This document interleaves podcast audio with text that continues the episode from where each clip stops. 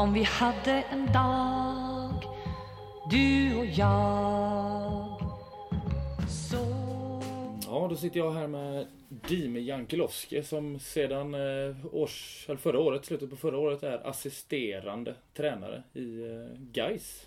Stämmer bra det. Stämmer bra det. Efter en lång spelarkarriär Dimes. Ja, det blev några år. Eh, många roliga år. Eh, 2012 kanske inte var det roligaste men eh, ja, det, jag, är ganska nöjd. Spelarkarriären avslutades i för, förtid skulle man också kunna säga. Du hade inte riktigt eh, planerat att eh, lägga handskar och skor på, på hylla eh, på det sättet som det blev. Nej, det hade jag inte. Det, jag hade nog räknat med att spela några år till faktiskt. Eh, jag känner att jag har några år till i kroppen.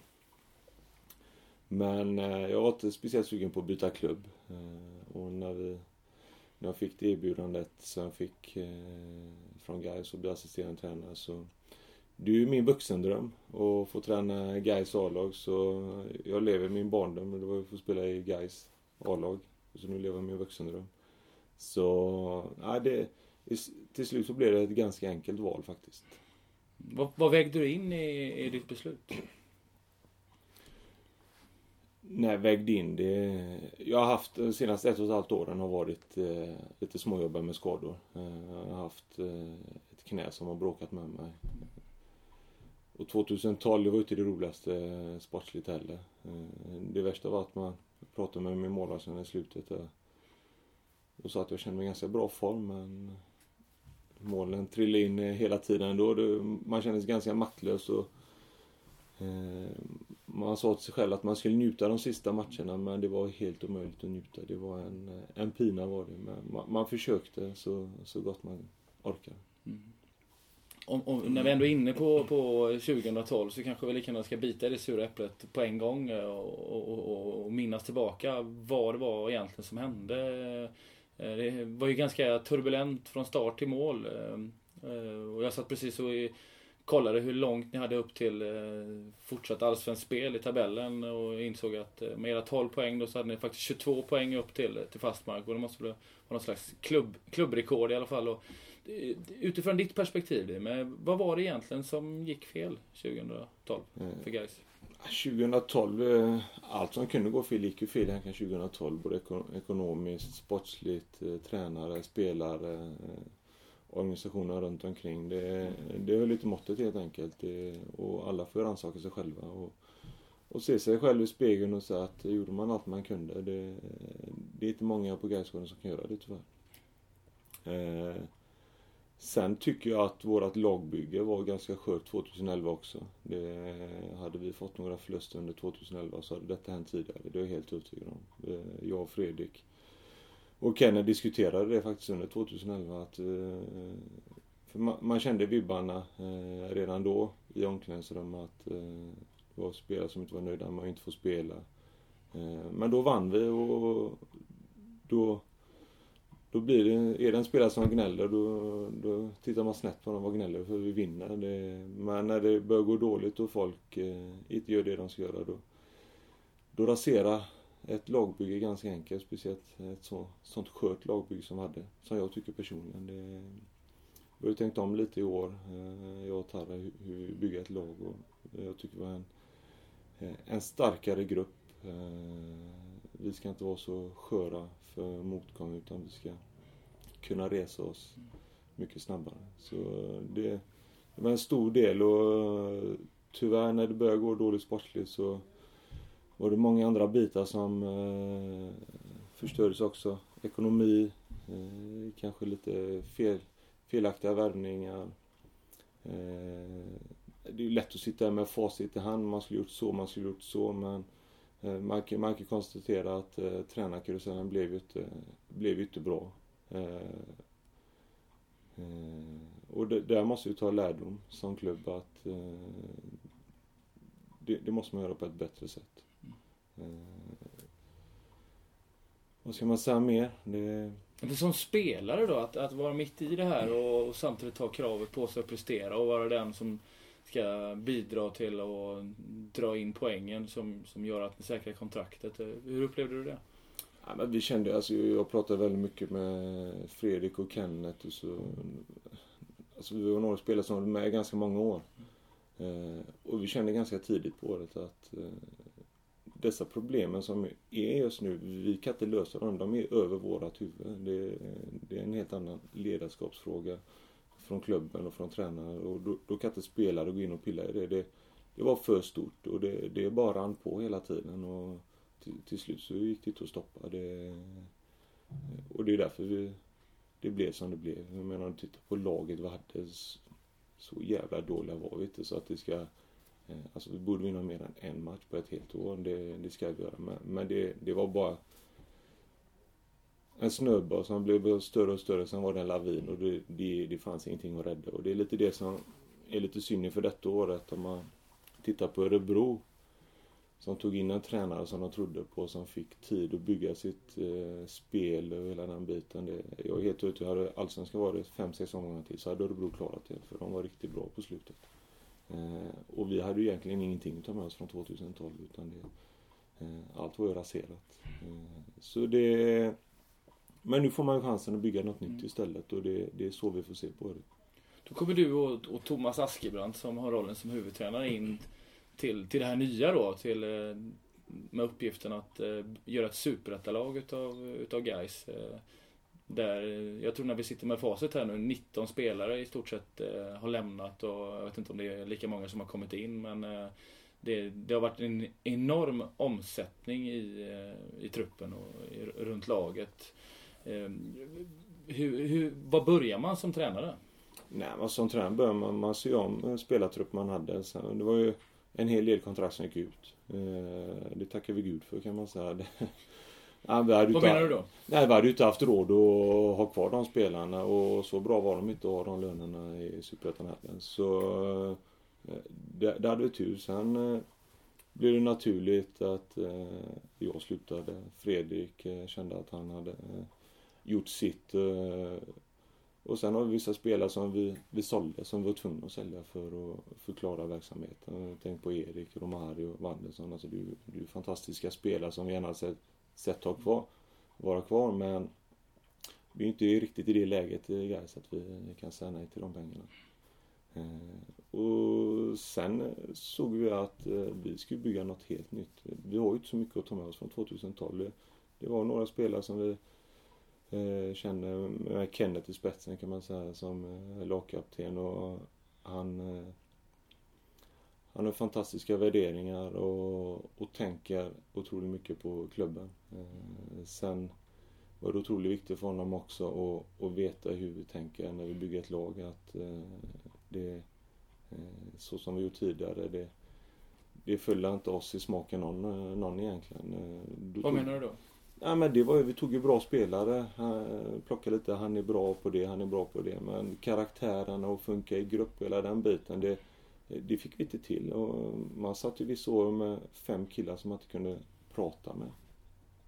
Alltså du är helt besatt egentligen. Alltså, du har fem lagkamrater som du inte kan prata med. Det... Och språk? Eh, språk, språk nej men språk. Alltså de pratar franska eller de pratar mm. portugisiska. Och det, tyvärr, jag är ledsen om jag klarat de språken. Eh, och då, då, blir det jobbigt att bilda en grupp. Alltså då får man klickar eh, i laget. Eh, och nu var det inte att det var elaka människor på något sätt. Men det går inte att få den sammanhållning som man vill ha.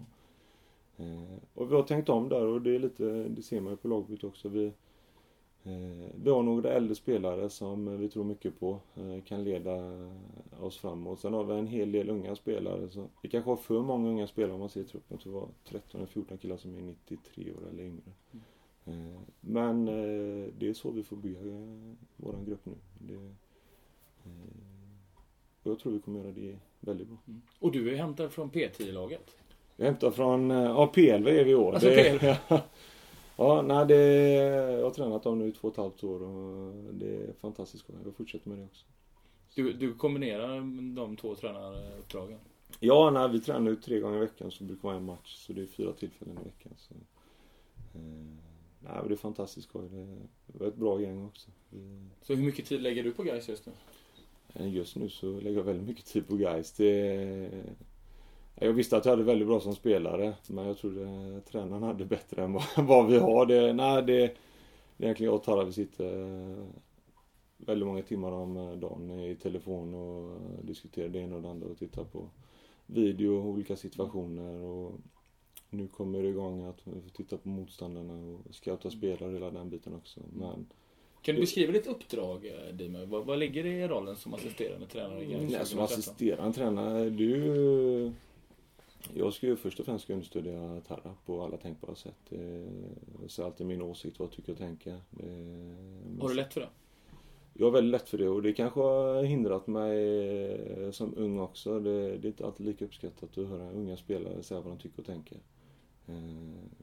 Men ja, jag, har väldigt, jag är väldigt lätt för att säga vad jag tycker och tänker. Det, det är på gott och ont men vi har en väldigt bra dialog jag och Tarra så eh, han har verkligen bett om att, att få höra vad jag tycker och tänker och eh, ta till sig det på ett fantastiskt bra sätt. Så det, det gör att jag känner mig ännu viktigare. Eh, så vi har funnit en fantastiskt bra kemi mellan oss, tycker jag. Sen får han säga vad han tycker, det vet man ju inte.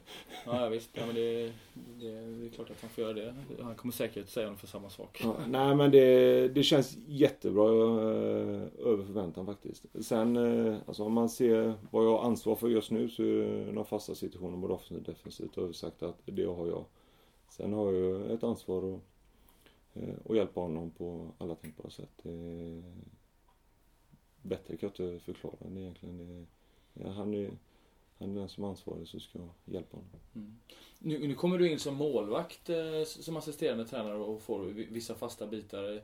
Eh, vad upplever du är de stora problemen? Jag vet inte, du, din karriär som utespelare är ju kanske way back i sådana fall. Eh, eh vad- Vad upplever du för svårigheter när man, när man kommer in eh, i en, en helhetsansvarig roll eh, som målvakt? Jag, eh, jag känner mig ganska trygg i min roll faktiskt. Eh, Jag visste att man skulle ha en viss period, och en inkörningsperiod, men jag, jag fick ju den i november egentligen. Jag fick le- leda laget när vi hade någon tränare. Eh, Och det var väldigt många ny, nya eller killar som provspelade också, så då fick man ju känna på det. Sen jag känner mig väldigt trygg faktiskt i, i de flesta. Det var som jag sa till Tara att eh, min största egenskap är kanske det defensiva spelet. Eh, och det offensiva i sista tredjedelen.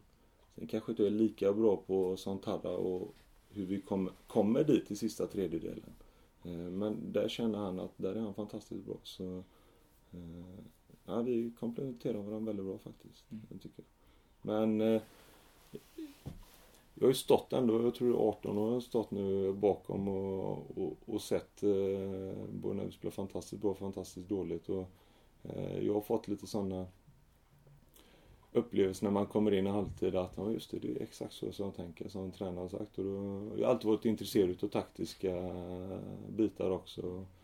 Man ser ibland målvakter och kanske inte är jätteintresserad att de slumrar till när det är genomgång men jag har varit den som har eh, frågat mest och, under hela min karriär egentligen. Så ja, jag, jag känner mig faktiskt väldigt trygg.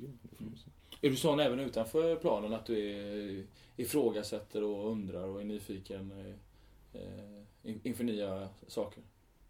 Nej, men det är jag nog. eh, Så ibland kanske jag inte frågar men jag tar fan reda på vad, vad det är som gäller på något sätt. Eh, Jag jobbar som säljare också med eh, det värsta jag visste var när säljaren sa ah, jag vet inte om jag kan lösa det. Nej, jag tror inte det. Jag, jag sa ah, jag ska lösa det. Ge mig bara lite tid så får vi se hur jag löser det. Eh, och då såg jag till att lösa det. Eh, det finns alltid lösningar. Det, det gäller att hitta dem bara. Mm. Och det, och det är lite så man gör, jag försöker jobba. Hela mitt liv går ut på att lösa saker. Det, det, med familjen, barnen ska dit och hela Man får se till att lösa det. Det är på bästa möjliga sätt. Sen skulle du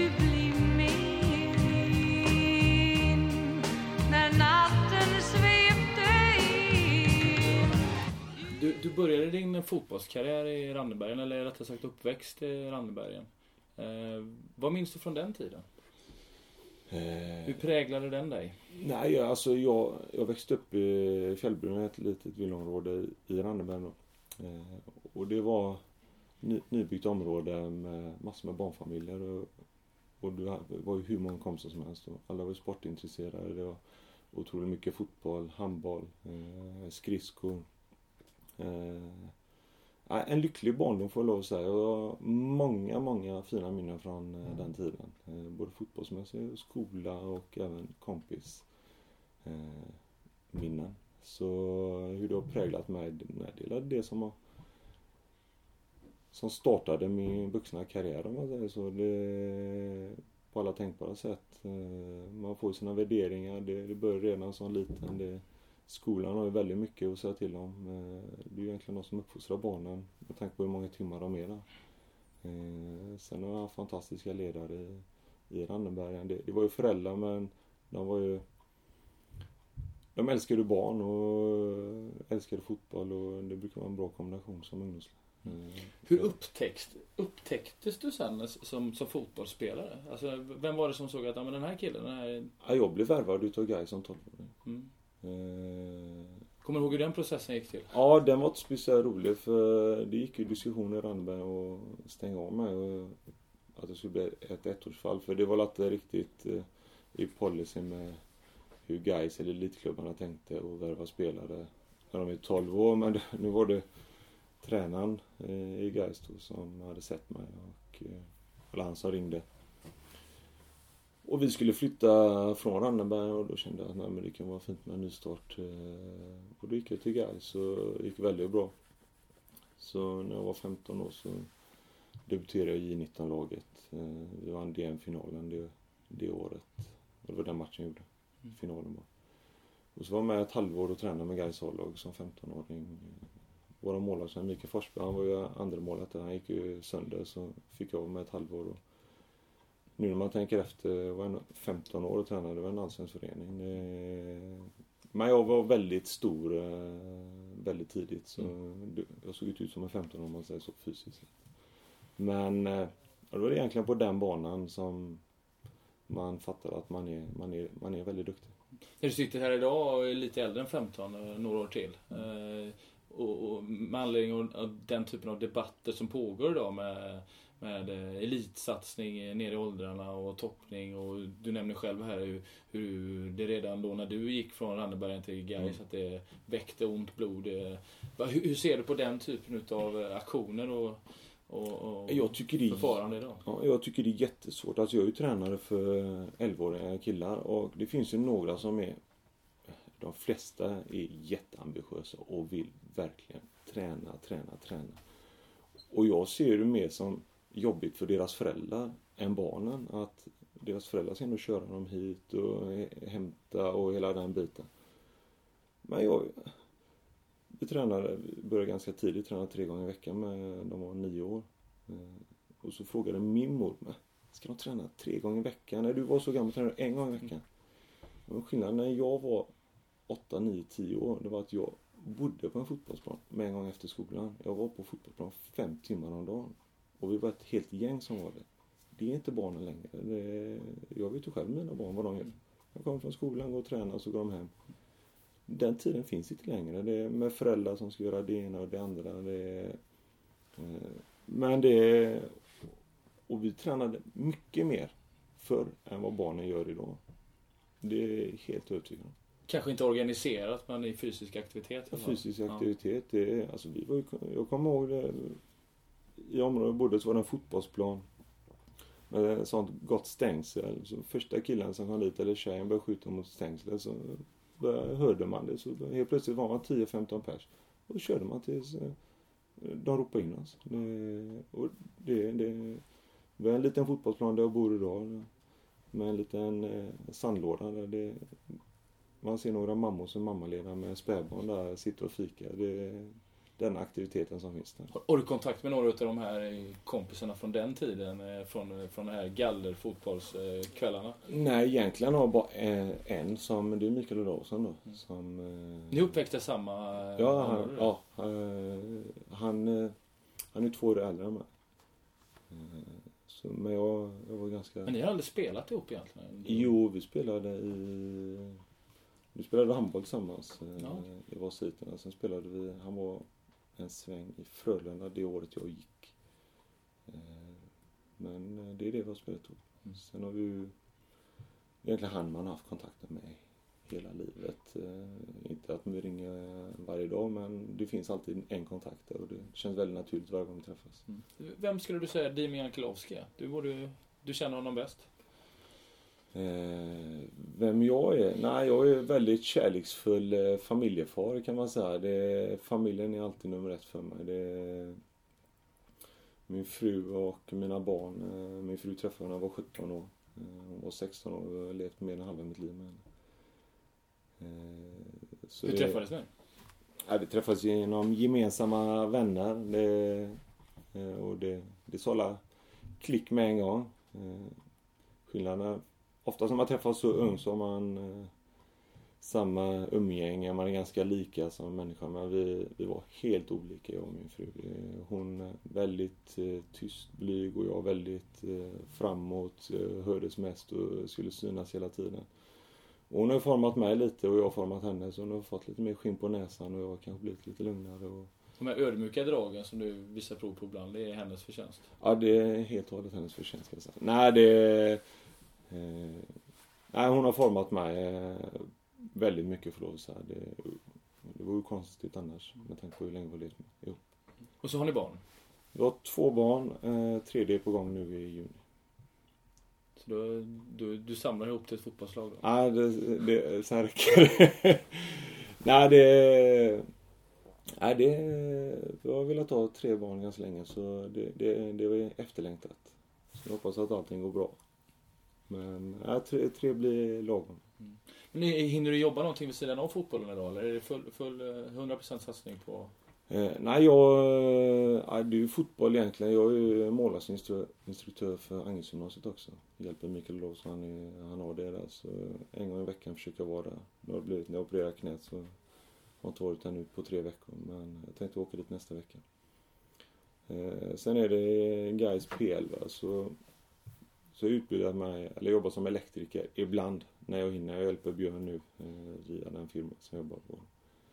Eh, men det, det saknas några Och när du timmar säger Björn då? då Björn Andersson. Björn Andersson. Ja, han renoverar Mm. hemma så Mm. behöver han elhjälp och då, då får jag hjälpa till. Så, men det, det saknas lite timmar på dygnet. Ja, vad, när, när tar du igen det då? Kanske inte har det behovet? Nej, jag har faktiskt inte det behovet utan jag har alltid varit eh, att eh, det ska finnas saker att göra. Det, eh, egentligen hela tiden. Eh, jag jobbade ju eh, heltid när jag spelade i Frölunda. Jag jobbade lite även när jag spelade AIK och sen när jag flyttade utomlands eh, då blev allt sånt borta. Men sen när jag kom hem igen så har jag haft något litet eget hela tiden. Jag har försökt när det finns tid. Om du skulle beskriva din karriär då? Du, du är inne på det här lite. Du har ju varit eh, ett antal olika elitklubbar genom åren.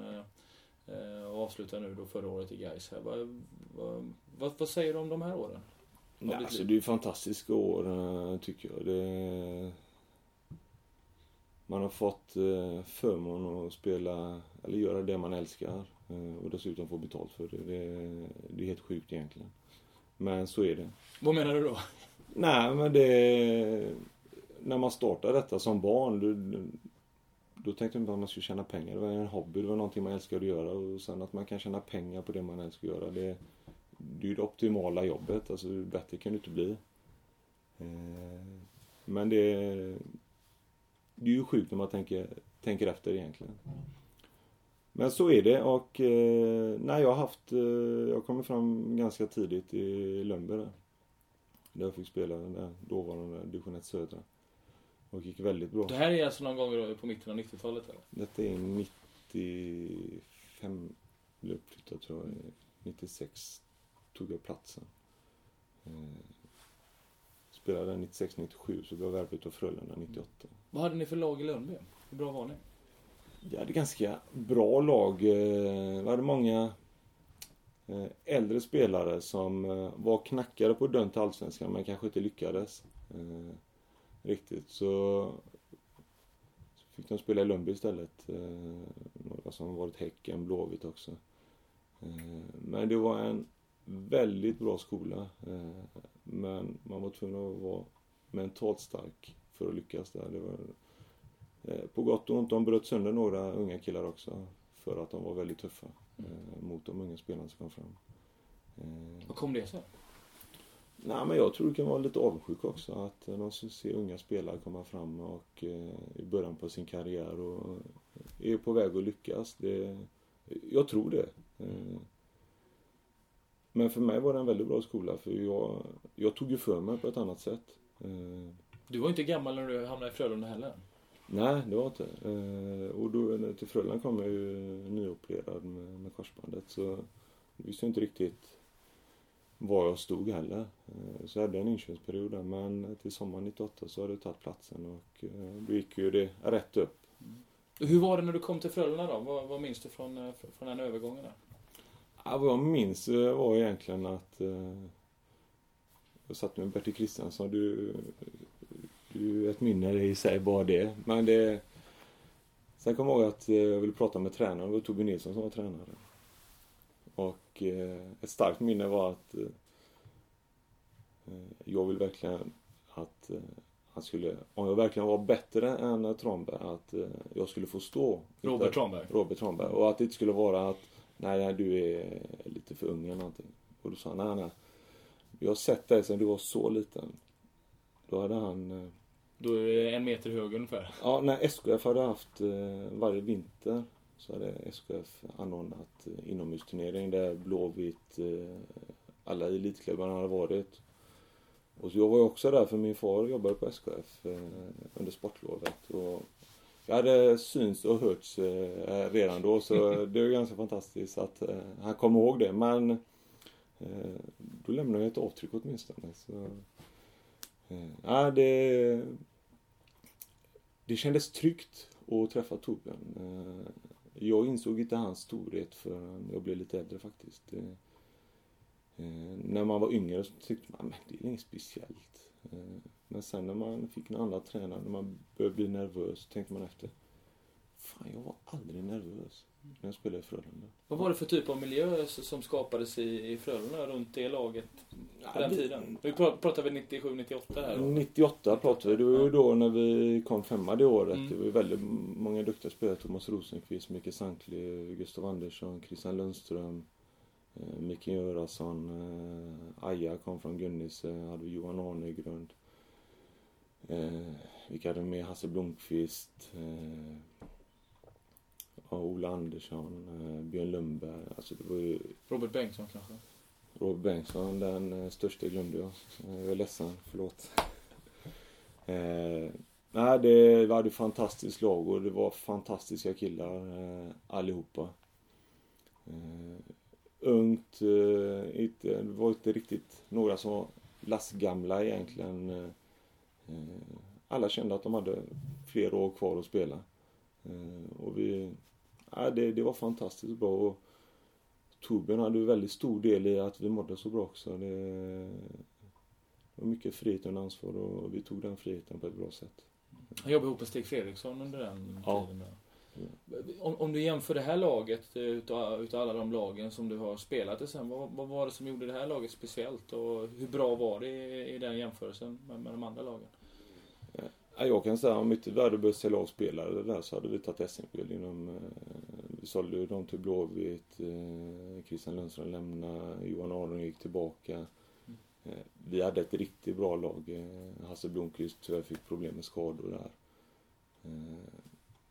Men det är ju så, näringen är ju så. Frölunda, det, gick ju inte att säga nej till de pengarna som finns. Så det får man acceptera. Det var nu har det gått som det gått för Frölunda men de var ju väldigt tydliga att vi kommer inte riskera Frölundas existens för att hålla oss kvar i Allsvenskan. Så då säljer vi. Och det, då är det lättare att acceptera än om de säger att vi ska vara ett topplag men bara sälja hela tiden. Eh, men tyvärr så har det gått som det har gått. Men eh, äh, det laget kom, med kombination den tränarteamet vi hade, det, jag kommer inte glömma, jag tror de mötte Öster hemma när Eh, City hade spelat ganska bra, eller vi hade spelat väldigt bra rättare sagt. Och så man gick och väntade på att eh, han, nu kommer den plumpen snart. Eh, ställde sig Tove Nilsson och då har han ett A4-papper. Där han säger detta vet jag om Öster. Så normalt brukar man ju ta det. Så skrynklar han upp det och kastar det i papperskorgen. Det, vi går ut och spelar våra spel så lovar att vi vinner denna match. Och då bara känner man att vi kommer vinna den matchen. Och vi gick ut och gjorde en fantastisk match och vann med 2-0 den matchen. Och de var inte nära. Eh, och han fick oss att känna den att nej, vi, vi betyder någonting. Vi, vi är viktiga och det är okej okay att misslyckas. Jag brukar säga att, som jag har tagit med mig själv faktiskt. Det är 90 minuter utav ett liv. Se till att inte ångra dig. När du är 45 år att jag skulle gjort den klacken eller skulle gjort det. Utan gå ut och njut. Men det, och det, det är bra att ta med sig.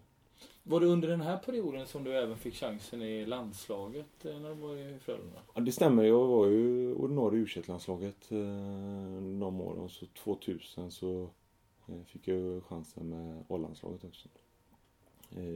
I La Manga åkte vi. Du var med på La Manga? Ja, La Manga. Ja, okay. Och det var egentligen då jag fick problem med skador egentligen efter det. Jag åkte på gömskador och, som hängde med. Och jag tror ofta många unga spelare som åker på det mm. under den tiden. Eh, och det gäller antagligen träningsmängden eh, som man inte egentligen orkar med. Eh, kanske tränar lite fel kontra vad man har lärt sig nu. Kanske lyssnade, man lyssnat på kroppen heller. Och jag hade lite problem där med ljumskarna fram och tillbaka och fick lite hackigt just då. Och så blev det lite klubbyten. Med facit hand så hade nog alla accepterat att det skulle bli utlånat till AIK även om det var ett helt fantastiskt år för mig. Men utlånad kontra att ha kontrakt med en klubb, det, då blir det att... men... Hur gick det till? Nej, alltså Marcus, Dan Andersson ville ju lämna AIK så då skulle AIK ta in en backup. Eh, problemet var att jag petade honom innan han, han lämnade. Han skulle lämna till sommaren var ju tanken att de skulle sälja honom. Eh, men då tog jag platsen innan och eh, han hade kontrakt eh, året efter och det var ju sunt förnuft att vi kan inte köpa loss Dime och behålla Dan Andersson. Det, det är ju hål i huvudet.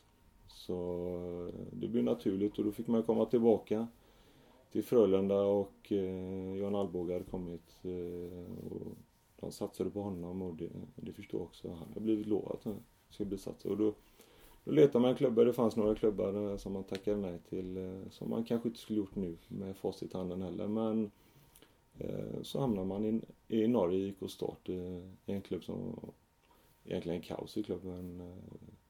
De höll på att gå i konkurs och fick släppa alla sina spelare. Och så kom det in någon med pengar och så skulle de bygga något nytt två veckor innan seriepremiär. Och det höll ju inte. Men för mig personligen så gick det väldigt bra fotbollsmässigt. Men sen hade jag lite familjeproblem med min far blev lite sjuk där också. Så det, det var ett litet småjobbigt år eh, det året. Mm. Men han mår bra nu. Så. Han mår bra nu? Ja, absolut. Han jobbar inte på SK fortfarande? Eller? Nej, det gör han. Han är pensionär nu. Han är över 70 år. Så. Ja, han får passa barnen ibland kanske? Ja, absolut. Det gillar han. Ja, en dag med dig En enda dag Du, eh, vad, vad ska vi tro om det här året i Gais då? Ja, jag brukar säga att eh, jag tror väldigt mycket på den gruppen eh, vi har. Eh, och vi kommer få till det. Men om vi får till det första omgången eller femte eller tionde, det, det vågar jag inte säga. Men vi kommer få till det på ett väldigt bra sätt.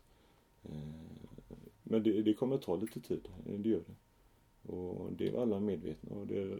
Finns tålamodet i klubben? Finns, finns tiden? Ja, absolut. Vi ska bygga någonting bra här och dela lite det vi har inte gjort de senaste åren. Utan vi, vi har bara plockat in spelare och han gjorde en, en bra träning, men då tar vi honom. Utan det mesta är genomtänkt eh, och ska vara genomtänkt. Eh, vi, vi vet att ekonomin måste falla på plats för, för att vi ska klara av att spela Allsvenskan inom tre år om man säger så. Du var ju med då, som du var inne på här, eh, under fjolåret där, där tränarna passerade revy. Det började med Alexander Axén. Det, det fyllde på med Jan Mak. Eh, Benjamin Westman kom in och mm. tog över det i slutet och däremellan så var väl eh, både Kjell Pettersson och Roland Nilsson mm. ansvariga för laget under perioder, eller under kortare perioder. Eh, vad, vad sänder det för eh, signaler? Vad ger det för avtryck i dig som, eh, som, som tränare? Eh, vad, lär du dig utav, utav ett sånt år? Alltså, vad jag lär mig som tränare, det är lite som jag har sagt till, till klubben eller till generellt att det är okej att ta ett avslut med en person eller en spelare eller en ledare men man ska göra det på ett bra sätt och ett värdigt sätt och det kanske lite var under jag, jag vet inte alla turer eh, runt omkring men jag, jag tycker man kunde gjort det väldigt tydligare och, och mer rakt och sagt att nej men nu gör vi så här och så och så. Men det blev ju inte så utan det, det kom in eh, halvfärdiga lösningar egentligen som eh, gjorde att allting blev sämre. Eh. V- vad tänkte ni som spelare när, när Alexander eh, försvann och, eh, och det fanns ett tomrum under en period, eh, ett vakuum och, och så kommer Jan Mak in därefter. V- vad tänker ni i ett sånt skede?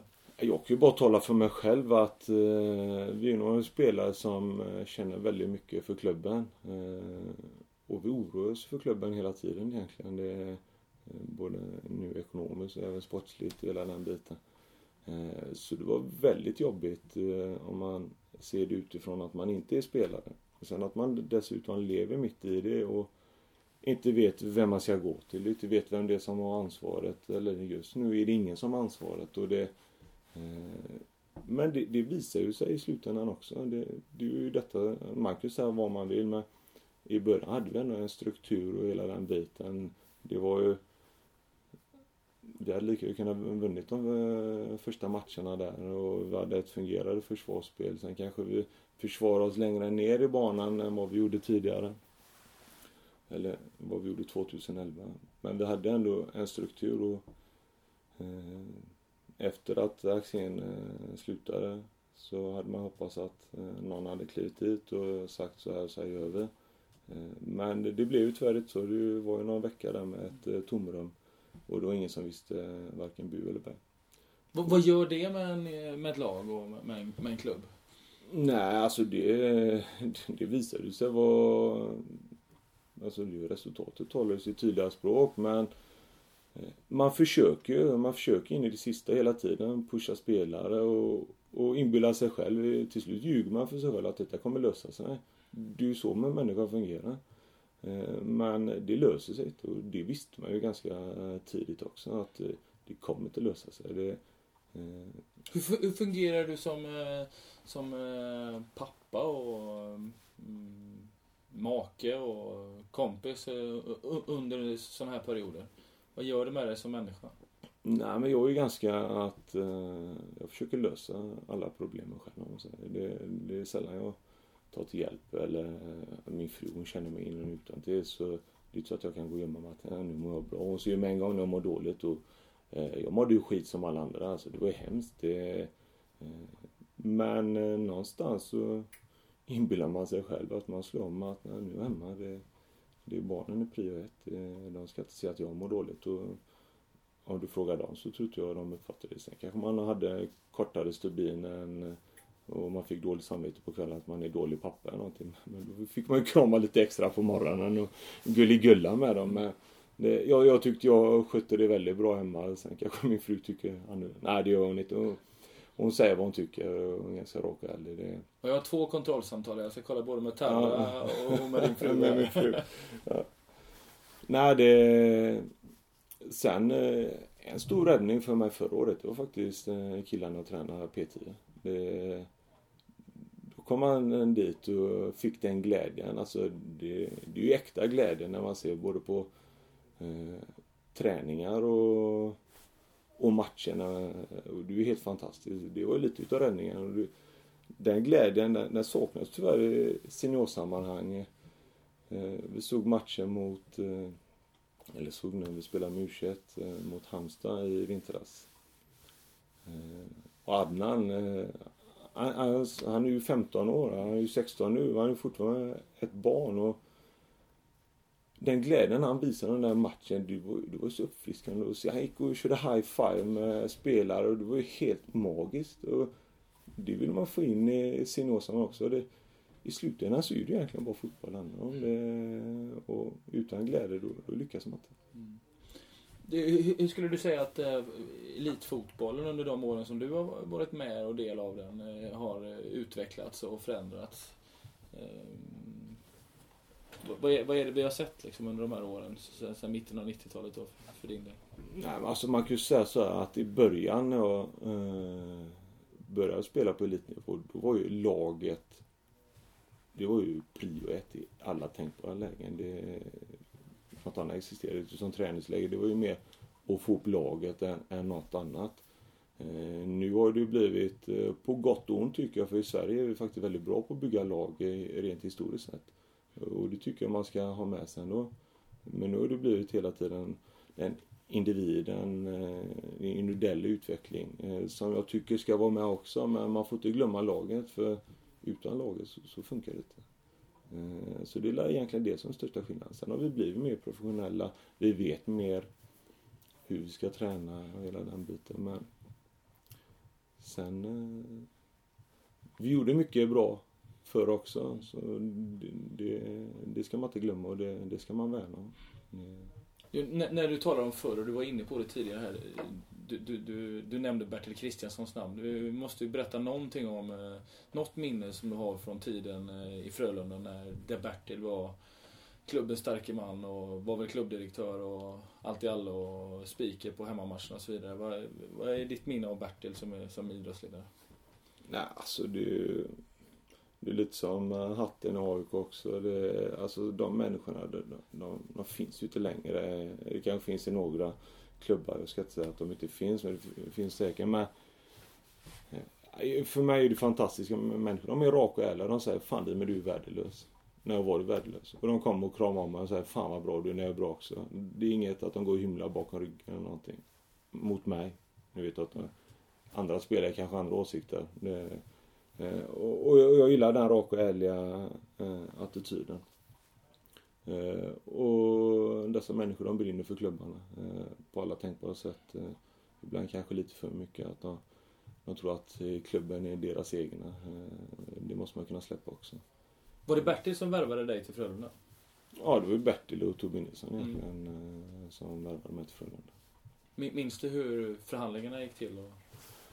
Ja, det gjorde jag. Jag minns att eh, han blev ju väldigt eh, irriterad med mig. Eller irriterad på ett bra sätt. Han tyckte jag var jävligt jobbig att förhandla med.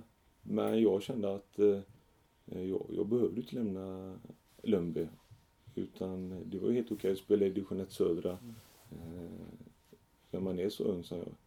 Eh, så jag, jag sa att detta vill jag ha, något annat accepterat. Och jag körde på det stenhårt. Och, det blev ju som jag ville till slut. Så, eh, så han var lite småirriterad men ändå kanske han såg sig själv lite i mig också. Han, han var likadan. Så nej men det... Eh, du hade ingen agent på den tiden? Nej, jag hade ingen agent.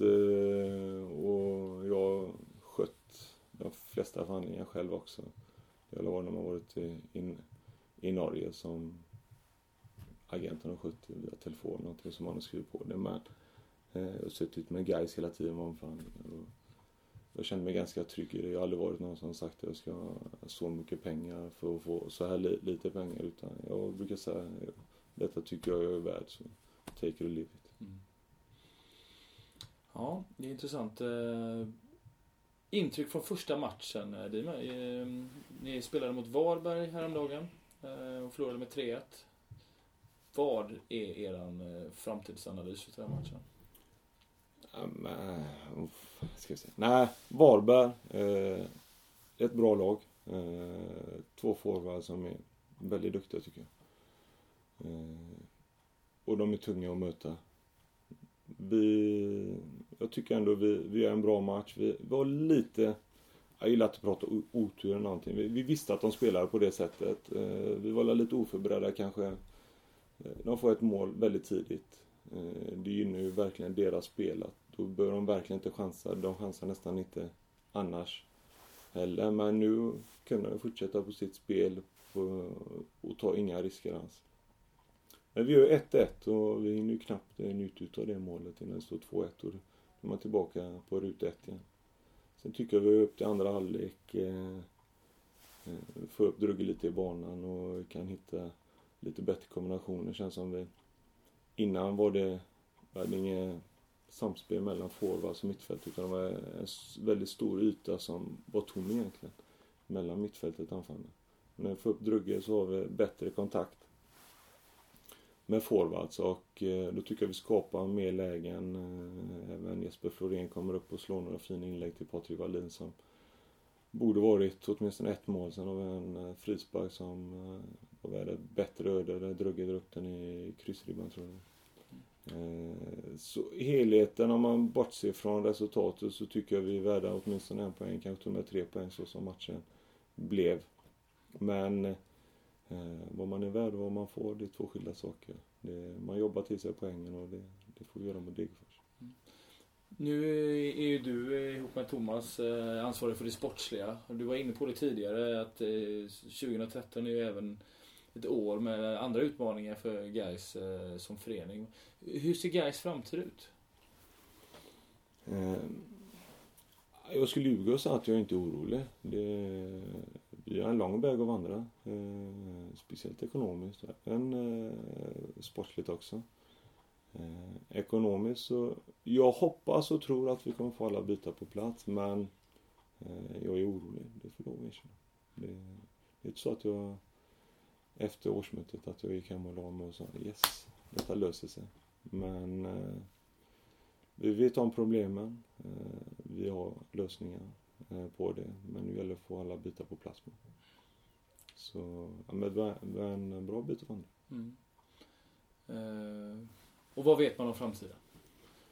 Nej, framtiden är så att eh, det vi vet är att eh, ekonomiskt så skulle jag få in eh, cirkus eh, 12 miljoner.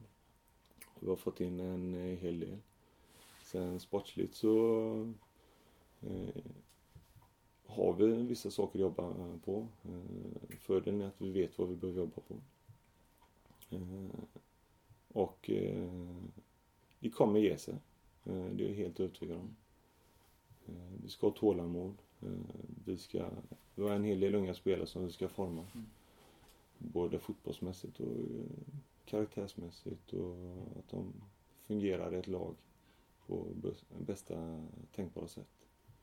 Eh, men jag, jag är mer orolig över ekonomin än över det sportsliga kanske. Vi med. Vi kan tala mycket om eh, Gais ekonomi. Eh, jag tackar för att du tog dig tid. Vad ska du göra resten av dagen? Eh, nu ska jag faktiskt eh, hem.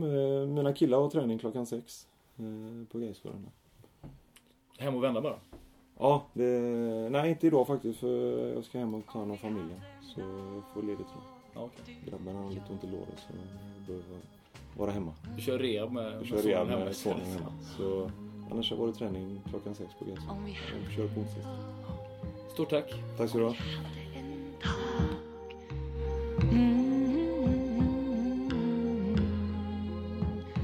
Om vi hade